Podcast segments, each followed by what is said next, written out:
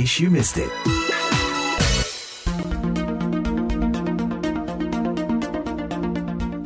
Bertemu lagi dengan saya Madioni dalam In Case You Miss It, VOA Washington DC, program yang hadir setiap hari Jumat. Indonesia menjadi salah satu pembicara dalam KTT Transformasi Sistem Pendidikan saat sidang umum PBB baru-baru ini. Untuk mengetahui lebih jauh sasaran Indonesia dalam hal pendidikan dan transformasinya, kita akan berbincang-bincang langsung bersama Menteri Pendidikan Kebudayaan, Riset dan Teknologi, Nadiem Makarim. Mas Menteri, Mas Nadiem terima kasih banyak atas kehadirannya di studio VOA. Terima kasih udah Ya. undang saya. Dan sudah dari New York kemarin setelah mengikuti UNGA khusus untuk transformative education system ya. Iya. Mas, apa prioritas Indonesia terkait uh, Sustainable Development Goal atau SDG 4, SDG 4 ini? Di dalam dunia pendidikan ini menyentuh uh, hampir semua SDG goals ya, Uh, mulai dari literasi ya, uh, early childhood education, uh, bahkan uh, semua isu-isu yang mengenai sustainability dan climate change pun itu uh, kalau kita tidak merubah dalam sistem pendidikan kita, ya susah sekali menciptakan satu generasi yang akan sadar mengenai masa depan planet kita gitu.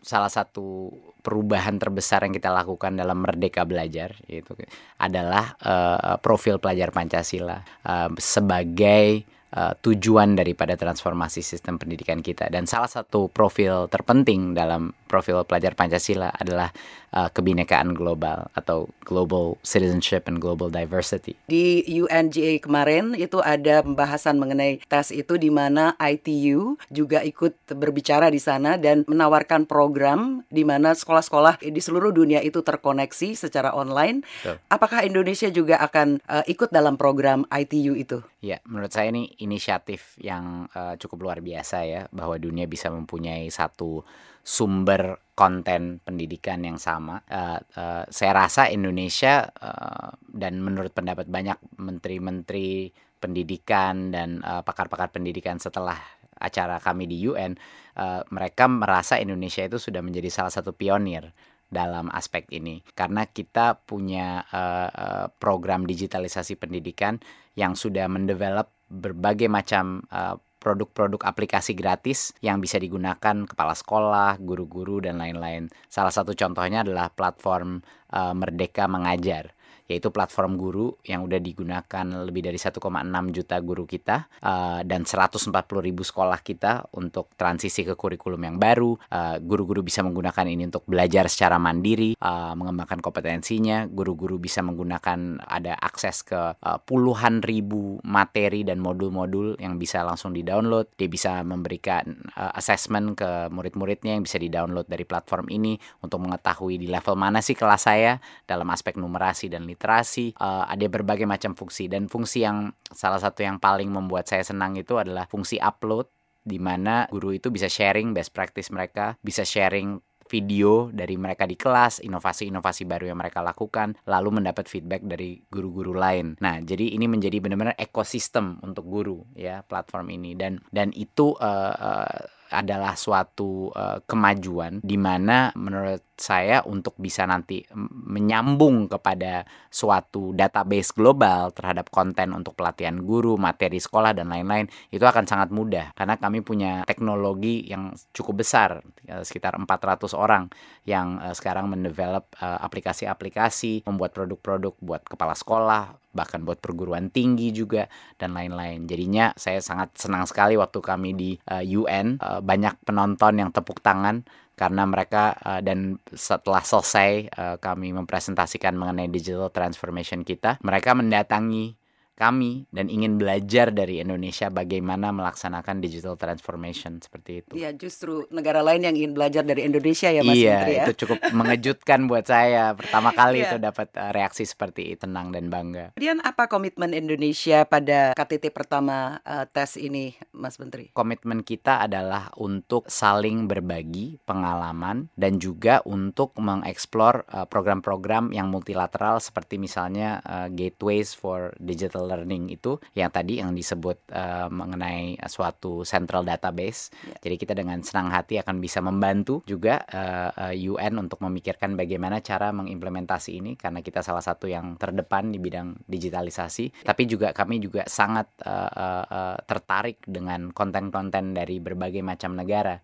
yang bisa diakses dan diterjemahkan ke ke bahasa Indonesia. Kira-kira itu konklusinya dari beberapa diskusi di summit itu. Tapi menurut saya yang yang terpenting adalah jumlah interest bilateral yang terjadi di situ antara negara-negara yang kepengen bekerja sama dengan Indonesia, kepengen belajar dari Indonesia terkait transformasi teknologi Betul. pendidikan Bu ini. Bukan cuma teknologi transformasi. Kita melihat kebijakan-kebijakan kita yang uh, dianggap mereka lumayan dahsyat seperti menghilangkan subject based testing completely dari sistem pendidikan uh, uh, menengah kita sampai dengan pendidikan tinggi sampai masuk tes masuk kuliah pun itu dihilangkan subject based test. Jadi yang berbasis numerasi literasi, logical test. Jadi inilah mengenai logika, uh, uh, problem solving, critical thinking. Uh, dan itu mengirim sinyal yang luar biasa besarnya kepada sistem pendidikan Indonesia bahwa yang terpenting itu bukan apa yang kita tahu, bukan informasi yang kita hafal apa-apa yang kita tahu, tapi apa yang bisa anak-anak lakukan dengan informasi tersebut. Nah, apakah uh, sistem baru ini sistem dengan menggunakan penalaran berbasis logika dan penalaran ini teknisnya sudah siap untuk diterapkan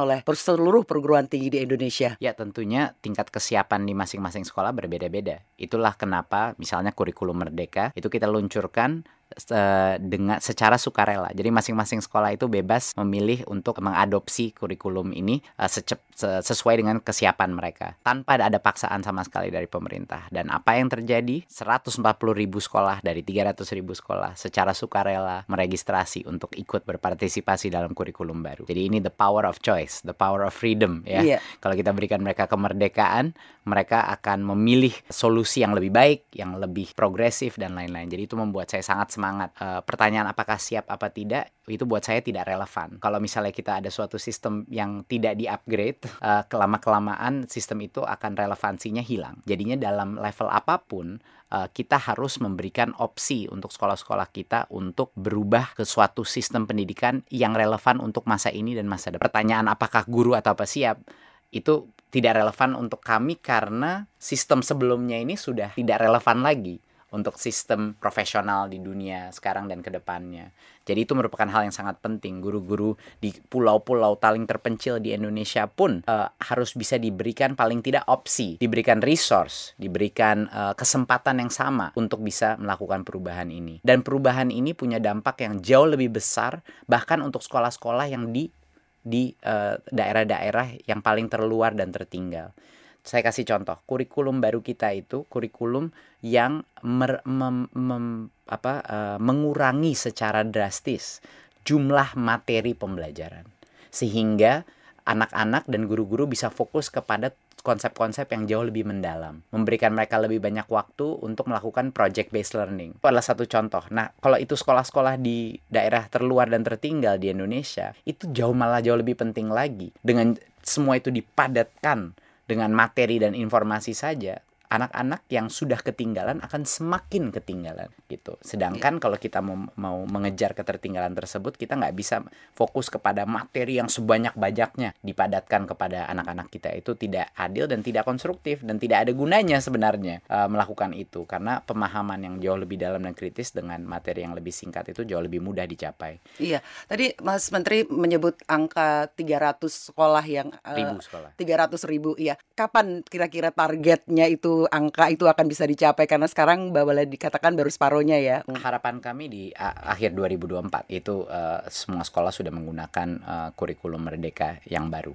Ya. Uh, tapi sekali lagi secepat apa itu kami berikan kemerdekaan kepada sekolah-sekolah untuk memilih salah satu yang kedua terpenting adalah kenapa perubahan ini penting, lebih penting lagi untuk sekolah-sekolah yang sedikit ketinggalan dari aspek sosioekonomi, dari aspek pembelajaran, adalah kurikulum baru ini yang kita distribusi melalui digital ini. Kurikulum baru ini memberikan hak kepada guru-guru untuk maju dan mundur sesuai kompetensi murid di kelasnya dia. Jadi kalau guru itu ingin mundur dua tahun ke belakang untuk mengejar ketertinggalan, itu diperbolehkan dalam kurikulum ini. Jadi lu bayangkan itu Iya. kemampuan uh, kebebasan guru untuk melakukan itu. Mas Menteri tadi bicara soal perpadat materi ya tidak sebanyak dulu lagi pada sistem sebelumnya. Setiap negara punya priority gitu. Seperti India, India ingin mencetak uh, engineer. Apakah Indonesia punya spesifikasi untuk dalam pendidikan sehingga streamline misalnya fokus pada STEM saja mengalahkan India katakan mungkin seperti itu. Apakah ada tujuan sasaran seperti itu? Kalau untuk pendidikan dasar menengah ya sampai SMA gitu ya, kita benar-benar fokus kepada kompetensi-kompetensi terpenting seperti kemampuan bekerja sama dalam tim, kemampuan kreativitas, kemampuan problem solving dan critical thinking, nilai-nilai kebinekaan, akhlak dan spiritualitas. Itu adalah fokus kita ya, bukan eh, anak itu bisa menghafal berapa jumlah materi dan konten. Dan skill-skill tersebut itu semuanya akan sangat berkontribusi kepada pekerjaan-pekerjaan yang akan tercipta di masa depan. Yang semuanya membutuhkan kolaborasi yang kuat, membutuhkan critical thinking yang kuat, membutuhkan toleransi terhadap ke perbedaan yang kuat. Ke ada satu satunya lagi adalah kemandirian, kemampuan untuk eh, secara mandiri mencari ilmu baru untuk menjadi pembelajar sepanjang hayat. Itu yang terpenting. Jadi bukan apa yang diajarkan itu itu penting juga apa yang diajarkan tapi yang lebih penting lagi adalah proses daripada pembelajaran apa pun itu dilaksanakan di dalam ruang kelas di mana anak-anak itu berpartisipasi. Nah, kalau giliran perguruan tinggi itu yang kita bisa mulai berfokus kepada sektor-sektor tertentu. Jadi contohnya uh, kita punya fokus kepada digital talent seperti yang tadi dibilang seperti India itu sangat besar di mana kita membuka pertama kalinya di sejarah Indonesia anak-anak bisa mengambil dua semester dari 8 semester mereka untuk uh, untuk S1 mereka uh, itu di luar kampus dan banyak sekali dari mereka dan dikasih full credit jadinya tidak mengorbankan uh, uh, kuliah mereka. Nah ini kesempatan-kesempatannya bermacam-macam. Ada yang magang-magang di dunia perusahaan-perusahaan teknologi dan startup-startup uh, banyak sekali yang memilih itu. Ada yang uh, project studi independen untuk technology training course yang ada di berbagai macam institusi. Intinya digital talent ini menjadi salah satu fokus utama untuk program-program off campus yang kita lakukan, technical dan technology training.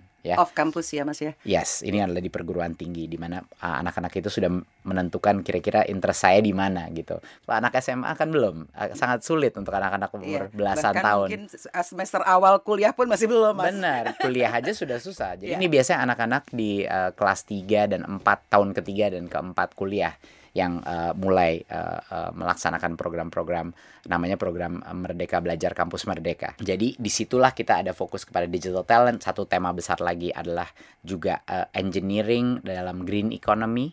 Jadinya apa pun yang berhubungan dengan perubahan iklim dan transisi dari uh, uh, uh, uh, fossil fuels ke renewable energy dan juga dampak kepada uh, perubahan iklim uh, ini climate change ini men menjadi satu topik yang sangat penting karena anak-anak kita lah yang akan merasakan bagian terparah daripada dampak perubahan iklim ini. Jadi mereka harus dipersiapkan uh, untuk siap di sini. Uh, dan kami juga merasa bahwa uh, skill entrepreneurship itu juga menjadi suatu hal yang sangat penting. Ini makanya kita sedang mengembangkan berbagai macam hub-hub entrepreneurship karena nggak semua orang yang keluar daripada uh, perguruan tinggi itu akan bisa mendapat pekerjaan. Kami ada 2 juta lulusan perguruan tinggi tiap tahun dan nggak semuanya akan bisa diserap oleh industri.